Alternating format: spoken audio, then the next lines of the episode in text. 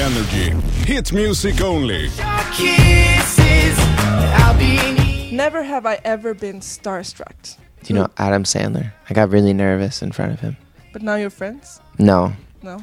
Damn it. Never have I ever been afraid of spiders. uh, for sure, have been afraid of spiders. What Yeah. else are you afraid of? Tons of things. Tall women.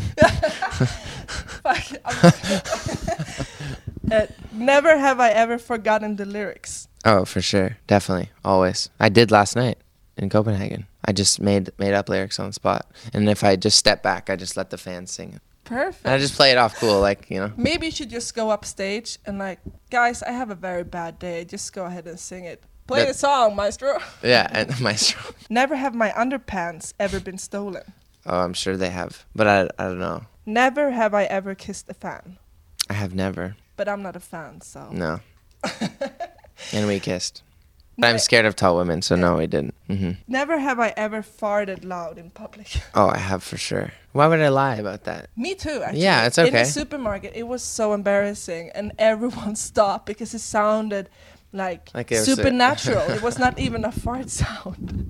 That's not good. yeah, it was not good. I don't know where that came from. Like, probably because I'm tall. Yeah. I was going to say that. Never have I ever been bored at my own concert. I have never. Am I like pl- performing? Yeah. No, never. No, it's fun. Energy.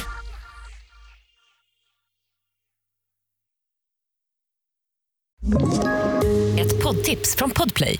I podden Något Kaiko garanterar östgötarna Brutti och jag, Davva, dig en stor dos skratt. Där följer jag pladask för köttätandet igen. Man är lite som en jävla vampyr. Man har fått lite blodsmak och då måste man ha mer. Udda spaningar, fängslande anekdoter och en och annan arg rant. Jag måste ha mitt kaffe på morgonen för annars är jag ingen trevlig människa. Då är du ingen trevlig människa, punkt. Något Kaiko, hör du på Podplay. Därför arkadeinerna.